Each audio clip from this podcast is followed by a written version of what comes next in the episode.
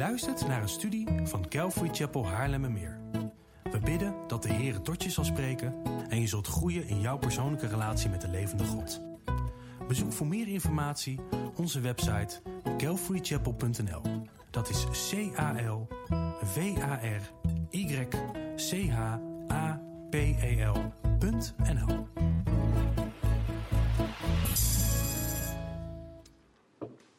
Ehm, nou goed, nogmaals uh, welkom. Ik ben God ook echt dankbaar dat door mijn uh, gezondheid, uh, gezondheidsklachten sinds eind juni ik een paar maanden rust heb mogen nemen.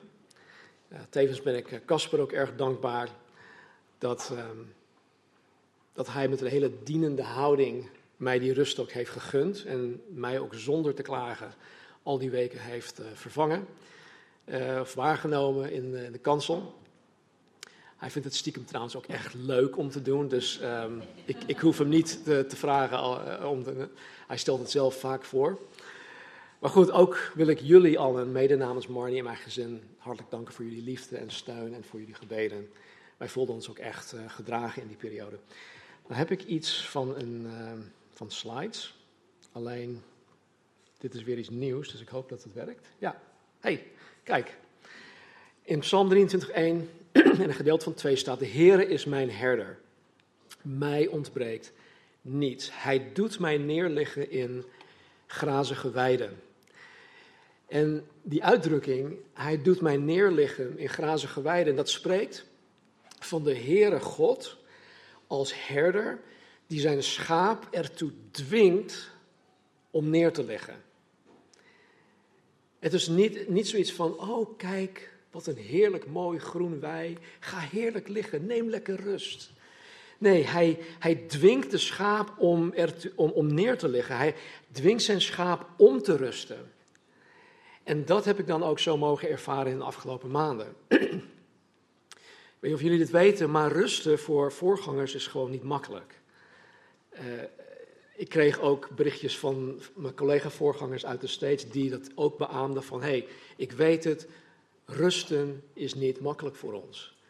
En dat is het ook niet. En daarom is het aan de ene kant ook echt knap vervelend wanneer je lichaam niet meewerkt, vooral als je in je hoofd nog zoveel wil gaan doen. Maar aan de andere kant, wanneer God in zijn voorzienigheid zijn schaap ertoe moet dwingen om rust te pakken, dan, ja, dan is dat een prachtig en liefdevol werk van de goede herder, die altijd het allerbeste voor zijn schapen voor ogen heeft. Dus na deze periode van rust mag ik vandaag weer aan de slag. En uh, wat ik tegen Marnie zei, I'm back in the saddle. En uh, daar ben ik God ook erg dankbaar voor, dat ik hier vandaag weer mag staan. Ik neem niets voor lief, niets is vanzelfsprekend. Nou, vandaag wijken we af van de studie van Casper in Romeinen. En wij wijken ook af van Route 66, wat we al uh, een aantal maanden niet hebben gedaan. Uh, en ik wil iets uit Jozua met jullie delen. en ik geloof dat datgene uit Jozua echt actueel is. Ik geloof dat wij als individuen en als plaatselijke kerk nu op het punt staan om, om nieuwe kansen te krijgen. En deze kansen aan te grijpen. Uh, nieuwe uitdagingen nieuwe gelegenheden om meer zin aan ons eigen leven te geven. Om God meer te gaan gehoorzamen, om meer um, op Jezus Christus te gaan lijken en om um, of meer door Hem ook gebruikt te gaan worden. En dat allemaal opdat wij meer van God zullen gaan genieten.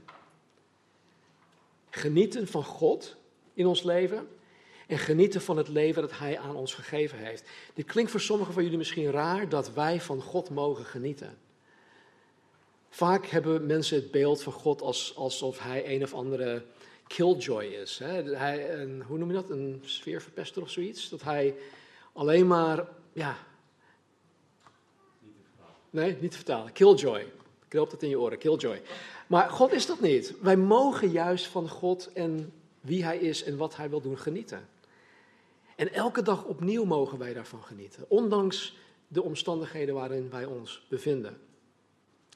Nou, ik geloof dat wij als Calvary Chapel aan het begin, en volgens mij was het deze slide, aan aan het begin van het volgende hoofdstuk staan. En wat voor ons nieuw is, het is nieuw, het is voor ons onbekend, het is spannend, het is boeiend, het is opwindend. Ik vind het echt opwindend en wellicht is het ook een beetje eng. Wij houden niet van verandering, wij houden niet echt van nieuwe dingen.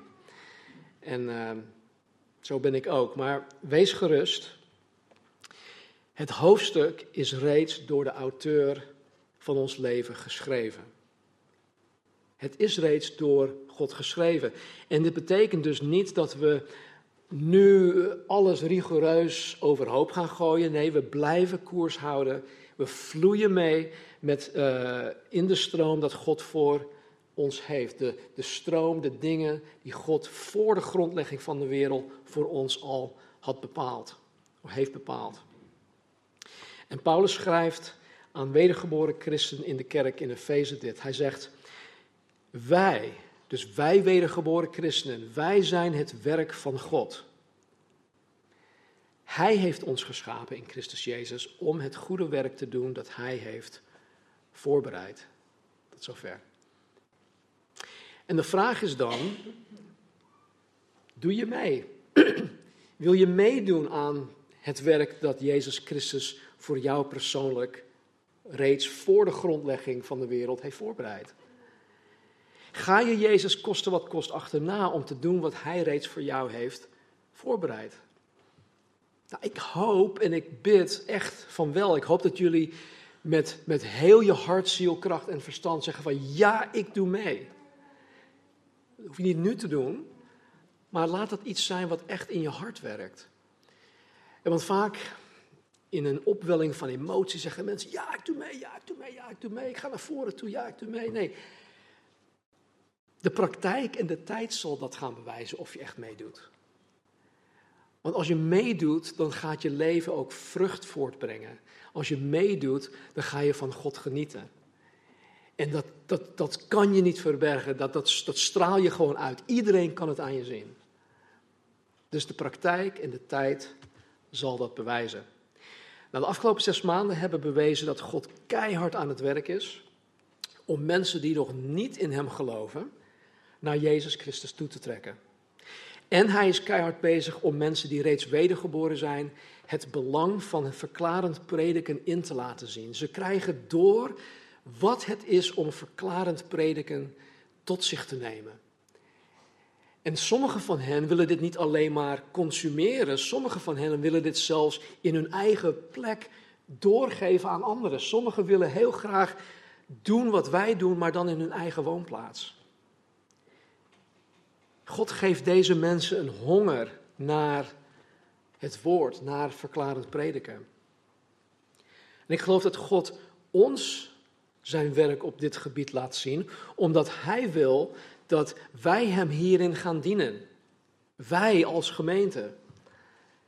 En dat wij als kerk Zijn handen en voeten zullen zijn om deze mensen te helpen. Om hen te discipelen en hen te leren om discipelen te maken die discipelen maken die discipelen maken. Wij moeten er dus iets mee. Wij moeten er echt iets mee. Want anders heeft God het voor niets bij ons onder de aandacht gebracht. En dat zou gewoon heel zonde zijn. Misschien denk je, oké, wat, wat moeten wij dan doen? En hoe moeten wij ons hierin bewegen? Wat vraagt God van mij dan? Ik, ik, ik weet het niet. Een hele goede vraag. Maar ik geloof dat Jozua 1 ons hierbij zal helpen. In ieder geval dat Jozua 1 ons ertoe zal, leiden om in ieder geval die eerste stap te gaan zetten hierin. Dus ik ga Jozua hoofdstuk 1, vanaf vers 1 tot en met 18, het hele hoofdstuk ga ik nu voorlezen. Het gebeurde na de dood van Mozes, de dienaar van de Heere, dat de Heere tegen Jozua, de zoon van Nun, de dienaar van Mozes, zei: Mijn dienaar Mozes is gestorven. Nu dan, sta op, steek over of steek deze Jordaan over, u en heel dit volk, naar het land dat ik aan hen, de Israëlieten, ga geven. Elke plaats die uw voedsel betreedt, heb ik u gegeven, overeenkomstig wat ik tot Mozes gesproken heb. Van de woestijn aan deze Libanon af tot aan de grote rivier, de rivier de Eufraat, heel het land van de Hethieten en tot de grote zee waar de zon ondergaat, zal uw gebied zijn. Niemand, niemand zal tegenover u stand houden al de dagen van uw leven. Zoals ik met Mozes geweest ben, zal ik met u zijn. Ik zal u niet loslaten en u niet verlaten. Wees sterk en moedig, want u zult dit land, of u zult dit volk het land dat ik hun vader gezworen heb hun te geven, in erfbezit laten nemen. Alleen wees sterk en zeer moedig, door nauwlettend te handelen overeenkomstig heel de wet die Mozes, mijn dienaar, u geboden heeft. Wijk daar niet van af, naar rechts of naar links, opdat u verstandig zult handelen overal waar u gaat. Dit boek met deze wet mag niet wijken uit uw mond. Maar u moet het dag en nacht overdenken, zodat u nauwlettend zult handelen overeenkomstig alles wat daarin geschreven staat. Dan immers zult u uw wegen voorspoedig maken en dan zult u verstandig handelen. Heb ik het u niet geboden? Wees sterk en moedig, schrik niet en wees niet ontsteld, want de Heere uw God is met u, overal waar u heen gaat. Toen gebood Jozua de beambten van het volk: Ga midden door het kamp en gebied het volk, maak proviant voor u klaar, want nu, want nog binnen drie dagen zult u deze rivier de Jordaan oversteken, zodat u kunt binnengaan om het land in bezit te nemen, dat de Heere uw God u geeft om in bezit te nemen. En tegen de Rubenieten, de Gadieten en de halve stam van Manasse zei Jozua, denk aan het woord dat Mozes, de dienaar van de Heere, u geboden heeft. De Heere uw God geeft u rust en hij geeft u dit land. Uw vrouwen, uw kleine kinderen en uw vee zullen in het land blijven dat Mozes u aan deze zijde van de Jordaan gegeven heeft, maar u moet in slagorde oversteken voor uw broeders uit, alle strijdbare helden, en u moet hen helpen totdat de Heere aan uw broeders rust geeft, zoals aan u. En ook zij het land in bezit nemen dat de Heere uw God hun geeft. Dan mag u terugkeren naar het land van uw bezit en mag u het in bezit nemen. Namelijk het land dat Mozes, de dienaar van de Heer, u gegeven heeft aan deze zijde van de Jordaan, waar de zon op komt. Toen antwoordde zij Jozua, alles wat u ons geboden hebt, zullen wij doen en overal waar u ons heen zult sturen, zullen wij gaan. Zoals wij in alles naar Mozes hebben geluisterd, zo zullen wij naar u luisteren. Alleen mogen de Heere uw God met u zijn, zoals hij met Mozes geweest is. Iedereen die aan uw bevel ongehoorzaam is en niet luistert naar uw woorden in alles wat u hem gebiedt of gebieden zult, moet gedood worden. Alleen wees sterk en moedig. Tot zover. Nou, vanaf Exodus, de uittocht, de uittocht uit Egypte, tot op dit moment wat we nu lezen, was Mozes degene die het volk Israël leidde. Maar nu, nu is Mozes gestorven en nu had God Jozua gekozen om het van Mozes over te nemen. En wat wij hier in Jozua 1 lezen is Gods opdracht aan, aan, aan Jozua om het werk waarmee Mozes eh, begonnen was, om dat werk af te maken. Er kwam Jozua in dit geval, in Jozua hoofdstuk 1, kwam hij in een gespreid bedje? Nee. Alles wat voor hen lag, hè, dus voor Jozef en voor Israël, was nieuw. Het was allemaal nieuw. Het was onbekend, het was onbetreden. Het was gewoon eng. Jozua 3, vers 4 bevestigt dat zij nooit eerder in dit land geweest waren. Nooit eerder waren zij deze weg gegaan, staat er.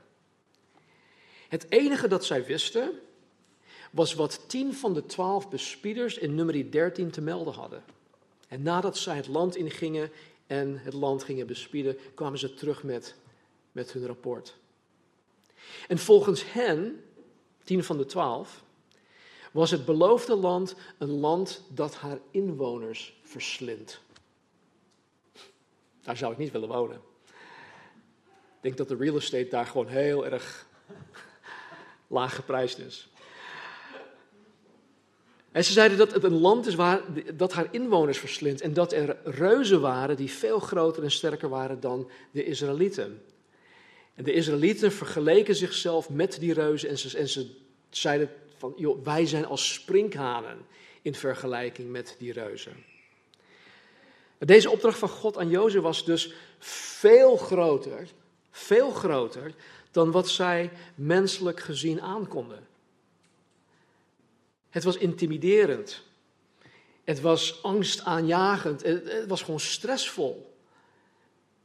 Ik zou die opdracht niet van God willen krijgen. En maar zo is het dus ook met ons. Wanneer God ons voor een nieuwe uitdaging stelt, maakt niet uit wat het is, dan is het menselijk gezien altijd onmogelijk. En dan komen we op het gebied waar geloof een cruciale rol speelt. Waar vertrouwen op God een cruciale rol speelt.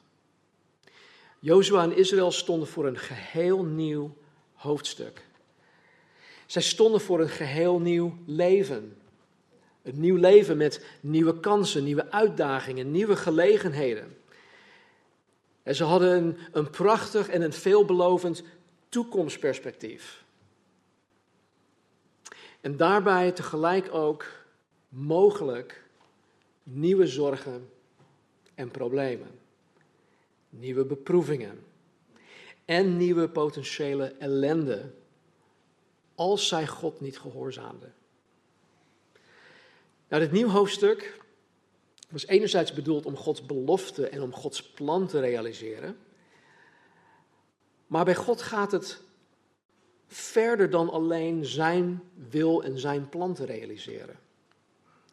Alles dat God voor Jozua in petto had, was ook bedoeld om zijn karakter te vormen. Het karakter van Jozua. Om hem te heiligen, om hem te doen veranderen naar Gods evenbeeld. En dit heiligingsproces vindt alleen plaats wanneer Gods kind uitstapt in geloof. Dit heiligingsproces vindt alleen plaats wanneer Gods kind uitstapt in geloof, in het onbekende, uitstapt in volledige afhankelijkheid van God en van zijn woord. En ook voor ons. Terwijl wij nu in de startblokken staan om het volgende hoofdstuk in te gaan, zullen ook wij nieuwe kansen, nieuwe uitdagingen, nieuwe gelegenheden van God krijgen om de grote opdracht te gaan vervullen. En tegelijkertijd zullen wij ongetwijfeld ook te maken krijgen met mogelijk nieuwe zorgen, nieuwe problemen, nieuwe beproevingen, nieuwe aanvallen van onze tegenstander, de duivel. Die totaal niet wil dat wij het volgende hoofdstuk ingaan. Als ik nu gewoon kijk in de zaal. We zitten in het midden van een coronacrisis. En we zijn heel verantwoord bezig met afstand houden en zo. Maar kijk dan. Kijk gewoon om je heen. Wie er zit. Wij zitten hier gewoon. Het geeft aan dat, dat wij willen. Wij willen God dienen. Wij willen Jezus navolgen. En God heeft heel veel in petto voor degenen die uitstappen of die uit willen stappen in geloof. Nou, als wij alleen aan de mogelijke moeilijkheden gaan denken, als wij het glas leeg zien, niet half leeg, maar gewoon leeg. En dan zullen wij niet verwachtingsvol zijn naar wat God allemaal wil doen. Dan kijken we niet naar God en zeggen van, oh God, wat wilt u vandaag doen?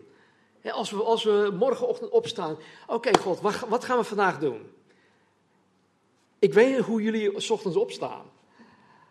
Maar ik weet zeker dat als, als wij God navolgen, dat wij op die manier zullen opstaan. Dat wij daarvoor wakker gemaakt kunnen worden. Iedereen hier in deze zaal kan voor iets wakker gemaakt worden. En ik hoop en ik bid dat het Jezus Christus is. Dus wij zullen niet verwachtingsvol zijn naar wat God allemaal wil doen. Wij zullen in tegendeel bevangen worden door onzekerheid. Wij zullen bevangen zijn door angst, waardoor wij net zoals de tien bespieders in nummer 13 verlamd raken en niet de nodige geloofstappen willen gaan zetten. En als dat zo is, dan lopen wij Gods zegen mis. Ik wil Gods zegen niet mislopen. En dan bedoel ik niet welvaart en allerlei mooie dingetjes voor mij. Nee, Gods zegen is veel groter dan alleen hebben dingetjes. Als ik iemand tot geloof zie komen, als ik een wedergeboorte mag aanschouwen, dat de schellen van iemands ogen wegvallen en dat die persoon ineens ziet, oh Jezus Christus, Hij is God, Hij is degene die mij kan redden. Dat is zegen, dat is Gods zegen. Het gaat niet om materiële dingen, het gaat om geestelijke dingen, dingen van eeuwigheidswaarde. En op het moment dat wij uitstappen in geloof, dan gaat er een hele geestelijke wereld voor ons open. Nou, om ons te helpen Gods zegen hierin niet mis te lopen, wil ik kijken naar drie dingen in Jozua 1. Um, ehm, vers 1 tot en met 6. Het gebeurde na de dood van Mozes, de dienaar van de Heer, dat de Heer tegen Jozua, de zoon van Nun, de dienaar van Mozes, zei: Mijn dienaar Mozes is gestorven. Nu dan, sta op, steek deze Jordaan over, u en heel dit volk, naar het land dat ik aan hen, de Israëlieten, ga geven. Elke plaats die uw voedsel betreedt, heb ik u gegeven, overeenkomstig wat ik tot Mozes gesproken heb. Van de woestijn in deze Libanon af tot aan de grote rivier, de rivier Eufraat, heel het land van de Hethieten en tot de grote zee waar de zon ondergaat, zal uw gebied zijn. Dat is trouwens vele malen groter dan huidig Israël vandaag. Ze hebben denk ik iets van 10% uiteindelijk in bezit genomen. Uh, waar ben ik? Mm, vers 5? Oké, sorry. Um, niemand zal tegenover u stand houden, al de dagen van uw leven. Zoals ik met Mozes geweest ben, zal ik met u zijn. Ik zal u niet loslaten en u niet verlaten. Wees sterk en moedig, want u zult dit volk, het land dat ik hun vader gezworen heb, hun te geven, in erfbezit laten nemen. Tot zover. Nou, ten eerste zien wij waartoe God Jozua uh, geroepen heeft. Het waren in principe twee dingen. Hij moest het volk Israël het land inleiden om het land te gaan veroveren. En twee, hij moest het land verdelen onder de twaalf stammen. Einde Jozua. In deze eerste zes versen kiest en roept God Jozua om het onmogelijke te doen. Ik heb niet uitgelegd waarom het onmogelijk is. Als je dat wil weten, zoek op onze website Route 66, het Bijbelboek Jozua. Volgens mij is dat het, vijfde boek, ja. Nee, sorry, zesde. En daarin leg ik ook uit dat het, uh, ja, het veroveren van land, het, het uh, ontnemen van land, dat het niet zo erg lijkt alsof, als, als sommige mensen ook echt denken. God heeft daar een reden voor. Maar, beluister die preek van Jozua. Het is een uh, Route 66 in vogelvlucht. Um, dus hij kiest en roept Jozua, God dan, om het onmogelijke te doen. Maar God geeft Jozua tegelijkertijd ook de sleutel en hij geeft Jozua de middelen om het onmogelijke te kunnen doen. Dus dat is één. Um, in vers 7. Alleen wees sterk en zeer moedig, door nauwlettend te handelen overeenkomstig heel de wet die Mozes, mijn dienaar, u geboden heeft. Dat was dus de Bijbel van die tijd. Wijk daar niet vanaf, naar rechts of naar links, opdat u verstandig zult handelen overal waar u gaat. Dat verstandig handelen heeft te maken met goede beslissingen te nemen. Wie van ons wil elke dag geen goede en juiste beslissing nemen. Doe wat God aan Jozua opdraagt. Dit boek met deze wet mag niet wijken uit uw mond, maar u moet het dag en nacht overdenken, zodat u nauwlettend zult handelen, overeenkomstig alles wat daarin geschreven staat. Dan immers zult u uw wegen voorspoedig maken en dan zult u verstandig handelen. Heb ik u, of heb ik het u niet geboden? Wees sterk en moedig, schrik niet en wees niet ontsteld, want de Heere, uw God, is met u overal waar u heen gaat. Tot zover. Ondanks de geweldige belofte in versen 2 tot en met 6, lees dat nog een paar keer door wanneer je thuis komt. En ondanks de geweldige belofte in versen 2 tot 6, is God genoodzaakt om in hoofdstuk 1 uiteindelijk tot vier keer toe tegen Jozua te zeggen om sterk en moedig te zijn. In één geval zegt hij zelf, wees sterk en zeer moedig. En voor de wedergeboren christen is de sleutel om het onmogelijke te kunnen doen, sterk en moedig zijn. De sleutel om het onmogelijke te kunnen doen voor de wedergeboren christen is om sterk en moedig te zijn. Nou, ik weet ook uit persoonlijke ervaring dat wanneer wij, wij mensen van vlees en bloed, wanneer wij voor het onmogelijke staan, het niet vanzelfsprekend is om sterk en moedig te zijn. Wij zijn niet allemaal een braveheart geboren. Het is vaker zo dat wij juist zwak en angstig en laf en, en, en, en, en verlamd raken. Verlamd dat wij helemaal niks kunnen doen wanneer wij geconfronteerd worden met het onmogelijke. Dat we met onze handen in ons haar zitten van wat moet ik nu? Wat moet ik nu doen? En velen van ons vluchten liever wanneer het ons te moeilijk wordt. Ik zie dat vooral onder jonge mensen vandaag. Die vluchten van alles wat een beetje met verantwoordelijkheid te maken heeft. Maar dat is nu het punt. Kijk, kracht en moed is niet iets dat de mens eigen is. Ik ben niet uit de moederschoot gekomen 56 jaar geleden met een, een gigantische dosis van kracht en moed. Dat zou ik al willen denken, maar zo ben ik echt niet. Kracht en moed zijn over het algemeen niet aangeboren eigenschappen. En in ons geval, wij die wedergeboren zijn, wij die een nieuwe schepping zijn, wij die een nieuwe natuur van God hebben gekregen, wij bezitten latente of sluimerende kracht en moed. Dat door God in ons geplaatst is door zijn geest. Latent betekent gewoon dat het er wel is, maar het is niet tot uiting gekomen. En door onze wedergeboorte en door de doop met de Heilige Geest hebben wij intrinsieke kracht en moed van God gekregen. We hebben het gekregen. Alleen die intrinsieke kracht en moed wordt pas geactiveerd wanneer wij in gehoorzaamheid aan God en in gehoorzaamheid aan zijn woord geloofstappen zetten richting het vervullen van datgene dat God ons opdraagt. En dan maakt het niet uit wat het is, want God, wanneer God ons iets opdraagt, is het altijd goed. Het is altijd goed. Wij zullen er niet slechter op worden. Zal het, het ons, zal het ons iets kosten? Absoluut. Maar zal, zullen wij er daardoor slechter van worden? Nee.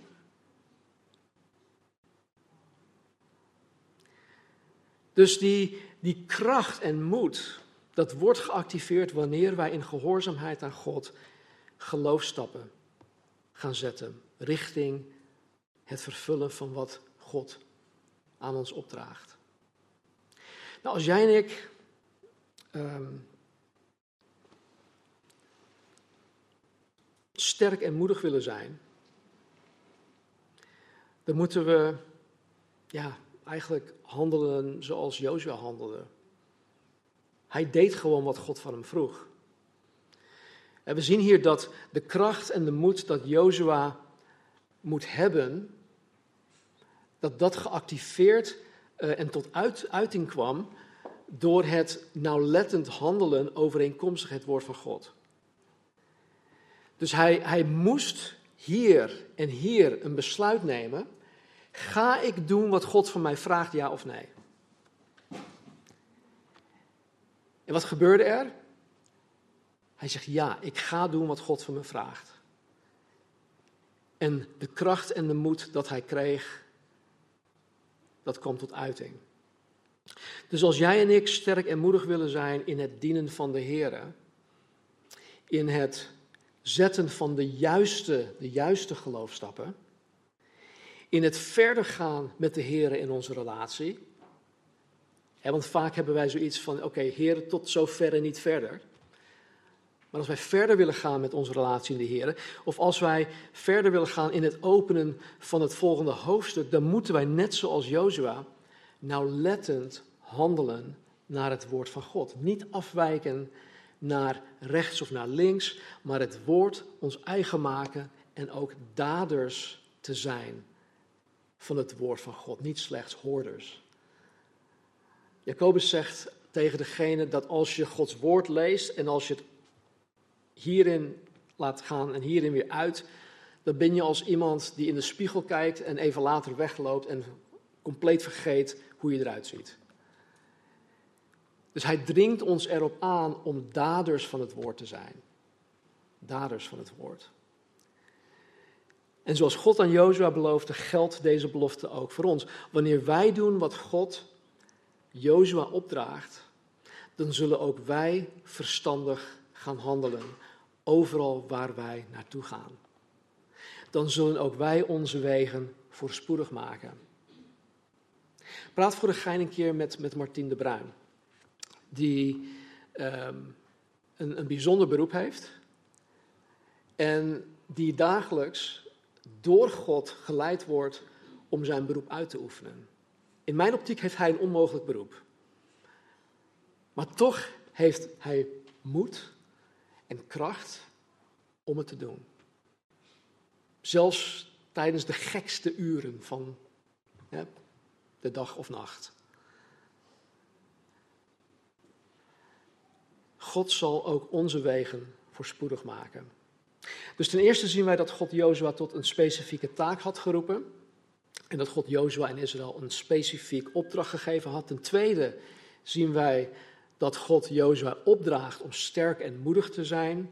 En dat uh, sterk en moedig zijn een, een samenwerking is tussen uh, enerzijds Jozua's gehoorzaamheid aan het uitvoeren van het woord van God. Dat is één. En anderzijds dat het Gods werk is in wat hij in zijn woord heeft beloofd. Het is dus een samenwerking tussen die twee dingen. Mijn handelen naar Gods woord en God waarmaken wat hij in zijn woord belooft. En met andere woorden, doordat Jozua God gehoorzaamt en alles doet wat God van hem vraagt of opdraagt, kan God, dit is belangrijk, kan God zijn woord in en door Jozua heen waarmaken. Dit is echt belangrijk. Als Jozua God niet gehoorzaamt, dan valt er niets voor God in en door Jozua heen te doen. En dat geldt ook voor ons. Wij die wedergeboren zijn, hebben van Jezus de grote opdracht gekregen om discipelen te maken. Dit kunnen wij niet uit eigen kracht, want uiteindelijk is het Gods werk om iemand tot geloof te brengen. En het is Gods werk om iemand geestelijk te doen groeien. Wij kunnen dat niet. Maar, maar, jij, jullie en ik spelen hierin een cruciale rol. Een essentiële rol. Zonder dat jij en ik met mensen praten, zonder dat wij het evangelie met mensen delen, al is het in hapjes, zonder dat wij in mensen investeren om hen met de Bijbel op weg te helpen, valt er voor God in en door ons heen niets te doen. Als ik niet bezig ben met het werk van God, wat valt er dan voor God nog in mij en door mij heen te doen? Niks. Dus ja, het is Gods werk. Maar jij en ik spelen in het maken van discipelen een cruciale rol. Zonder het maken van discipelen zullen er geen discipelen zijn. Jij, jullie en ieder van jullie, jullie zijn hierin onmisbaar. Onmisbaar.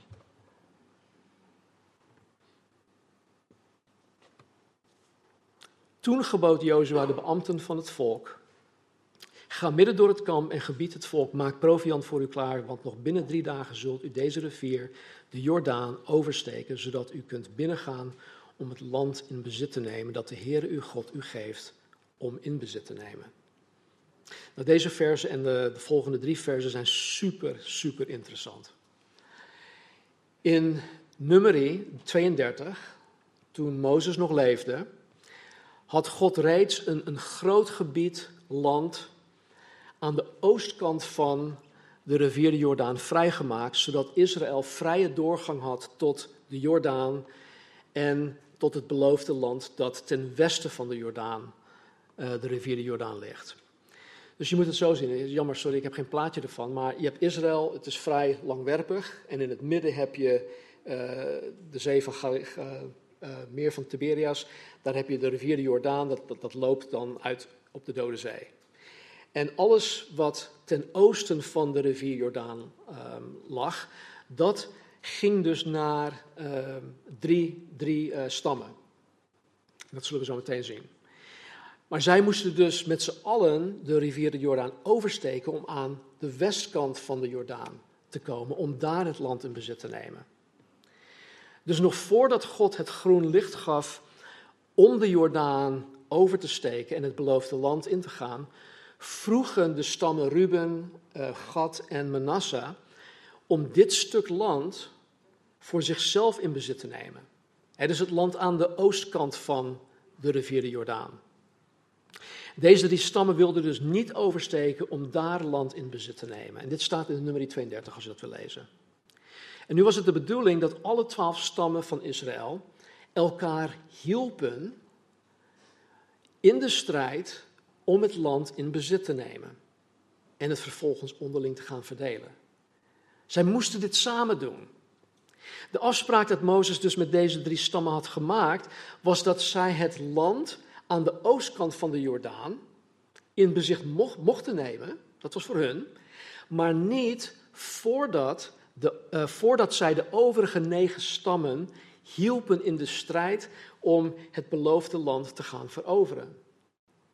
En daaruit komen de volgende versen. En tegen de Rubenieten, de Gadieten en de halve stam Manasse zei Jozua dit. Denk aan het woord dat Mozes, de dienaar van de Heere, u geboden heeft. De Heere uw God geeft u rust en hij geeft u dit land. Dus het land aan de oostkant van uh, de Jordaan. Uw vrouwen, uw kleine kinderen en uw vee zullen in het land blijven dat Mozes u aan deze zijde van de Jordaan gegeven heeft. Maar u moet in slagorde oversteken voor uw broeders uit, alle strijdbare helden, en u moet hen helpen. Totdat de Heere aan uw broeders rust geeft, zoals aan u, en ook zij het land in bezit nemen dat de Heere uw God hun geeft. Dan mag u terugkeren naar het land van uw bezit en mag u het in bezit nemen, namelijk het land dat Mozes, de dienaar van de Heer, u gegeven heeft, aan deze zijde van de Jordaan waar de zon opkomt. Tot zover. Jozua verwijst deze drie stammen naar de afspraak die Mozes met deze drie stammen in, uh, in nummer 32 gemaakt had. En de afspraak was dat deze drie stammen zich in moesten gaan zetten om de rest van Israël te helpen om datgene dat God hen gegeven had in bezit te nemen. Dus nogmaals, ten eerste zien, we dat, zien wij de roeping en de opdracht. Ten tweede zien wij het mandaat om sterk en moedig te zijn en alles ja, hè, wat dat allemaal inhoudt. En nu ten derde zien wij dat God wil, God wil dat de gehele gemeenschap zich inzet om Gods werk te doen. Die drie mochten niet achterblijven en de andere negen gewoon hun gang laten gaan. De drie stammen die eigenlijk hun toegewezen land reeds in bezit hadden genomen, zij konden net zo goed tegen Jozua protesteren. Ze konden net zo goed tegen Jozua zeggen: Ja, maar hallo, dat is niet mijn bediening. Dat is niet mijn bediening. Wij hebben ons land al. Waarom zouden wij onze mensen en middelen gebruiken om de overige negen stammen te helpen? Dat is hun bediening, is niet mijn bediening. Maar God liet dat soort egoïsme niet toe. Heel de gemeenschap van Israël moest eraan meewerken. Ieder strijdbaar lid die ertoe in staat was om te dienen, moest dienen. En zo is het ook met het lichaam van Christus en de plaatselijke kerk. God heeft het zo bedoeld dat iedereen zijn of haar steentje bijdraagt aan het vervullen van de grote opdracht. Geen van ons geen van ons kan zeggen: nee, dat is niet mijn bediening. Als je dat zegt, dan vind ik dat jij je schuldig maakt aan godslastering. Waarom? Omdat God juist gezegd, het tegenovergestelde gezegd heeft. Dus dan maak jij God uit om een als leugenaar. Als je zegt van nee, dat, nee dat, dat doe ik niet, dat is niet mijn bediening. Nou, om alles even op een rijtje te zetten.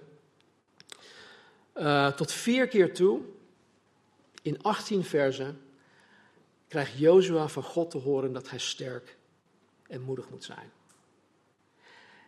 Dit geeft aan, althans zo vind ik dat, dat Jozua dat nodig had. Jozua had het nodig om van God te horen, wees sterk en moedig, wees sterk en zeer moedig. Want hij was blijkbaar erg onzeker. Het kan ook heel goed zijn dat hij bang was en begrijpelijk. Waar hij in de gemeenschap voor stond, was allemaal nieuw en onbekend en het was eng. En daarom gaf Jozua beloftes zoals deze. Niemand zal tegenover u stand houden al de dagen van uw leven. Wat een belofte. Niemand zal tegenover u stand houden al de dagen van uw leven. Zoals ik met Mozes geweest ben, zal ik met u zijn. Ik zal u niet loslaten en u niet verlaten. Wat een belofte. En dit geldt ook voor ons. Ook wij zijn onzeker en bang. En daarom zegt God ook tegen ons dat wij sterk en moedig moeten zijn. En ook God, en ook geeft God ons deze belofte. Jezus zei in de grote opdracht in Matthäus 28 dat aan hem is gegeven alle macht in hemel en op aarde. We lezen daar heel snel overheen. Maar sta daar alsjeblieft bij stil. Alle macht in hemel en aarde is aan Jezus gegeven. En dan zegt hij dat hij met ons zal zijn al de dagen tot de voleinding van de wereld. Wij hebben degene die alle macht in hemel en aarde bezit in ons team. Hij staat aan mijn zij. Hij staat aan mijn kant. Aan jullie kant, aan onze kant. Tot de voleinding van de wereld. En zoals ik al meerdere malen heb aangegeven, geloof ik dat God voor mij persoonlijk en voor ons als, als kerk, dat God iets nieuws heeft. Nieuw in de zin van het uitbreiden van de mogelijkheden om de grote opdracht meer effectief te gaan vervullen. Het zijn geen nieuwe buitenbijbelse rare dingen. Ik geloof dat God ons als kerken een online platform heeft gegeven. En dat steeds meer mensen buiten de Calvary Chapel in ons land bereikt. Elke dag opnieuw. Ik zie de statistieken. Steeds meer mensen vinden ons online. Steeds meer mensen schrijven zich in op onze e-mails. Die wekelijks de deur uitgaan om mensen op de hoogte te stellen van de meest recente preek. En om een door onszelf geschreven, door Casper geschreven, uh, overdenking van ons te ontvangen. Ik, ik zag het laatst voorbij komen. Iets van 140 mensen ontvangen dat nu. Elke week. Steeds meer mensen abonneren zich op onze YouTube-kanaal. En waar al onze studies vanaf 2016 op staan. In juli werd er voor 575 uur naar onze studies gekeken of beluisterd. 575 uur, dat is best wel veel. En in de afgelopen weken zijn er alweer vijf nieuwe abonnees erbij gekomen. Ik denk dat we nu op 239 abonnees zitten. Ik weet het dat het in vergelijking met de grote namen zo, dat dat peanuts is. Maar denk er even over na. 239 mensen, die, die passen niet eens in deze zaal. Ons bereik wordt steeds groter. Steeds meer mensen volgen ons op Facebook en op Instagram. En nu gaat het mij echt niet om mensen die ons leuk vinden of iets dergelijks. Maar hoe meer mensen ons op social media volgen en vinden, hoe meer mensen onze bediening mogen ontvangen. En wij zijn hier om mensen te dienen. We doen dit niet uit eigen belang. En omdat wij gestaag steeds meer in Nederland bekend worden, komen wij met nieuwe mensen in contact. Nieuwe mensen die hunkeren naar het recht gesneden woord van God. En dat wij door genade alleen mogen aanbieden door middel van het verklarend prediken van de Bijbel. Dat is wat, dat is wat ons onderscheidt van, van het merendeel van evangelisch christendom. En nu, op dit moment, mogen deze mensen genieten van de woordverkondiging die wij bieden. Maar christen zijn vindt niet plaats in een vacuüm. Christen zijn vindt niet plaats in je eentje, achter je device of achter je laptop of wat dan ook.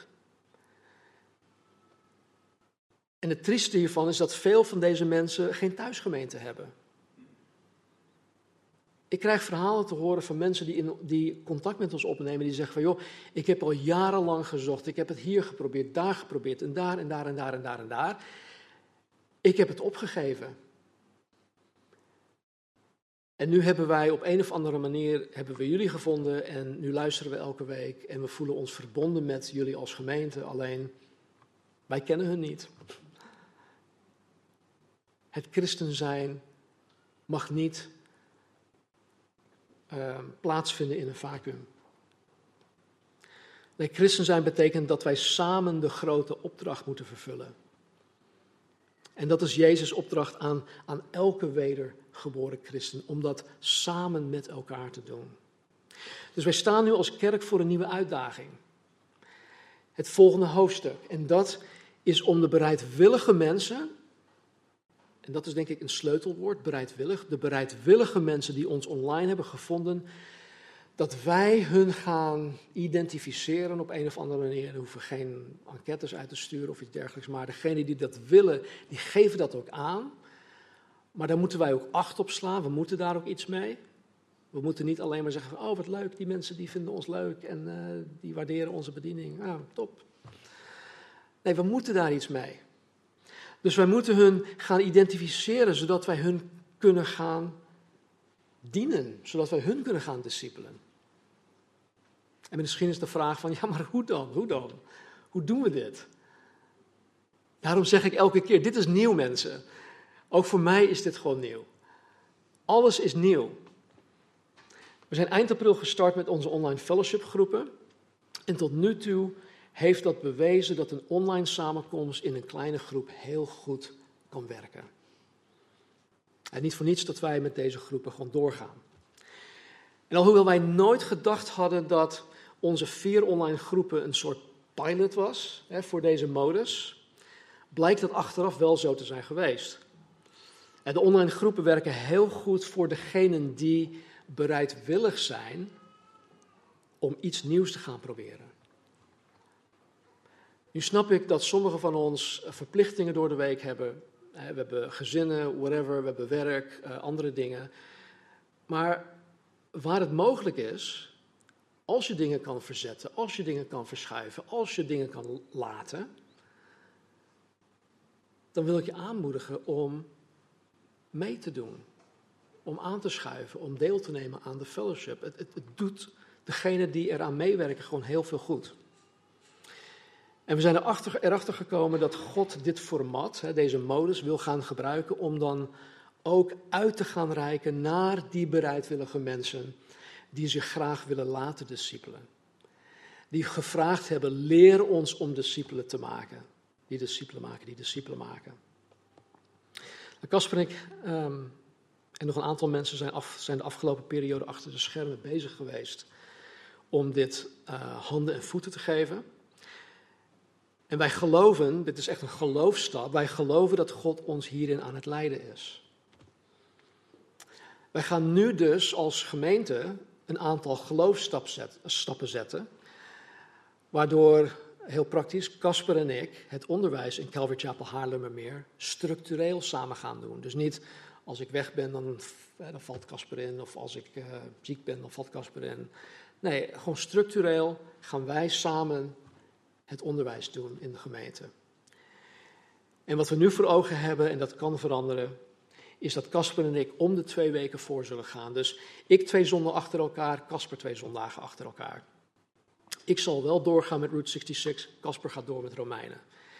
En dat we dan in ieder geval een, een beetje continu, continuïteit waarborgen. Dat het niet gewoon hapsnap dit en dat is. Nee, twee zondagen Route 66, twee zondagen Romeinen. Twee zondagen Route 66, twee zondagen Romeinen. En de reden hiervoor is om mijn persoon dan meer ruimte te geven om meer online bediening te gaan doen.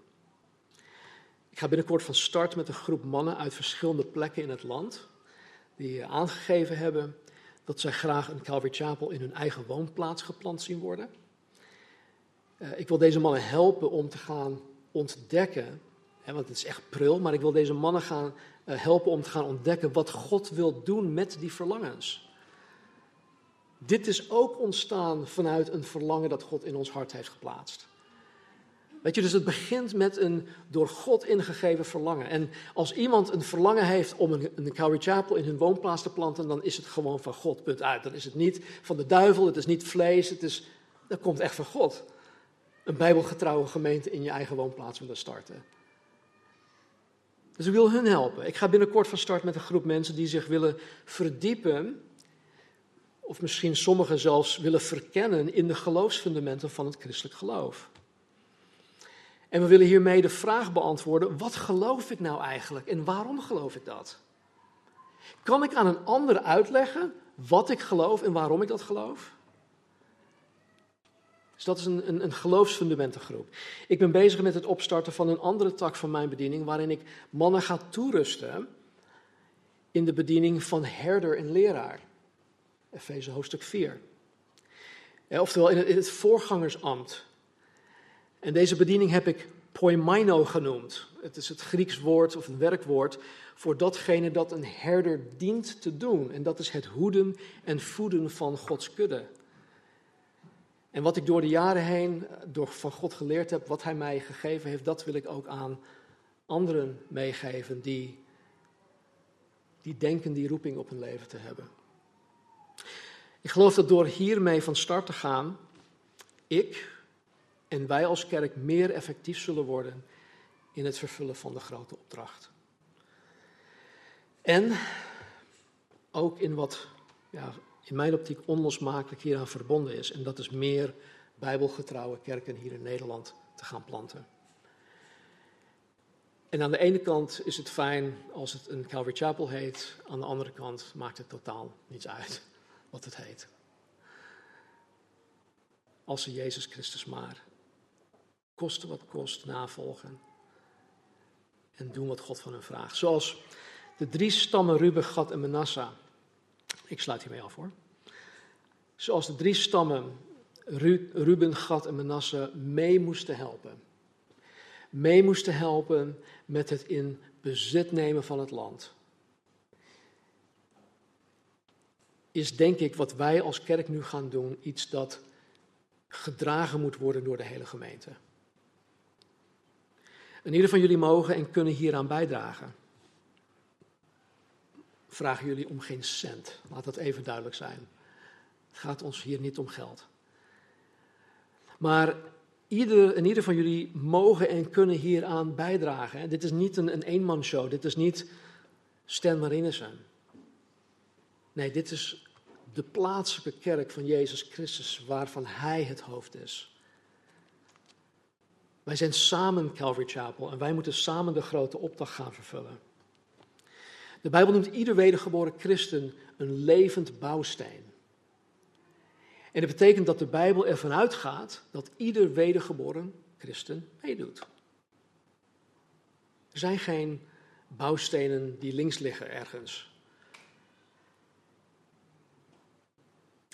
We hebben onze achtertuin. Even een kort verhaaltje. We hebben onze achtertuin. Uh, André uh, van Belen, mijn buurman, en ik hebben die tuin helemaal uit elkaar gehaald. Alle stenen die staan nu opgestapeld. We gaan die stenen hergebruiken, dus we gaan ze omdraaien. De onderkant was nog heel mooi. Het is niet zo dat, dat ik zeg van nou joh, nou die stenen, die kunnen wel gewoon daar blijven liggen. Nee, we hebben elke steen gewoon nodig. Elke steen die, die eruit is gegaan, die moeten weer in. Dus elke steen is nodig en elke bouwsteen in de gemeente van God is gewoon nodig. En het hoeft niet te betekenen dat je per se een online groep moet gaan starten of dat je die groep moet gaan leiden. Maar vraag aan God, vraag gewoon aan God wat je kan doen. Het allerbelangrijkste hierin is dat je jezelf beschikbaar stelt.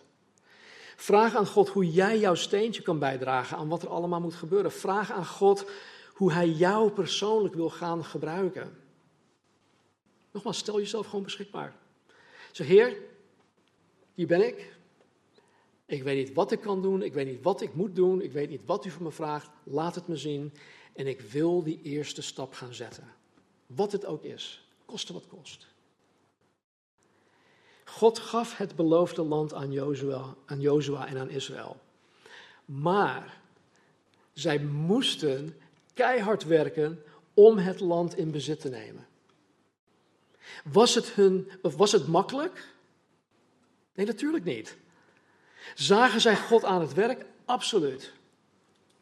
Was hun inspanning, hun tijd, de energie en de middelen die ze daarvoor inzetten, was het allemaal de moeite waard? Zeker weten. Weet je waarom? Anders zaten wij hier vandaag niet. Als Jozua en Israël het toen nagelaten hadden, dan zaten wij hier vandaag niet. Dus als jij vandaag een wedergeboren christen bent, wees dan sterk en moedig, want God is met jou. Hij zal je nooit loslaten. Hij zal je nooit verlaten. En als jij vandaag Jezus Christus nog niet navolgt, als je Hem niet persoonlijk kent, kan dit ook voor jou gelden. Mooier is het niet. Laten we bidden. Heilige God, Hemelse Vader, dank u wel dat u zo ver gegaan bent om mij, om ons te redden. En ons dan niet alleen te redden om gered te zijn, maar dat u ons wil inzetten voor uw zaak hier op aarde. Dat u ons wil gebruiken. Dat u ons een, een medearbeider van de Allerhoogste God wil laten zijn.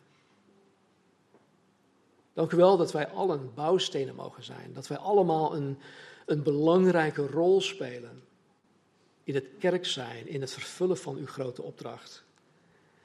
En dank u wel voor het prachtig voorbeeld van Jozua en de Israëlieten in dit hoofdstuk.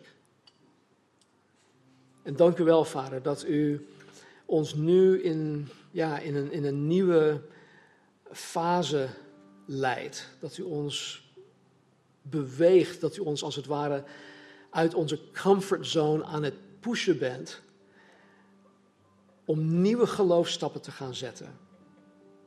Help ons daarbij.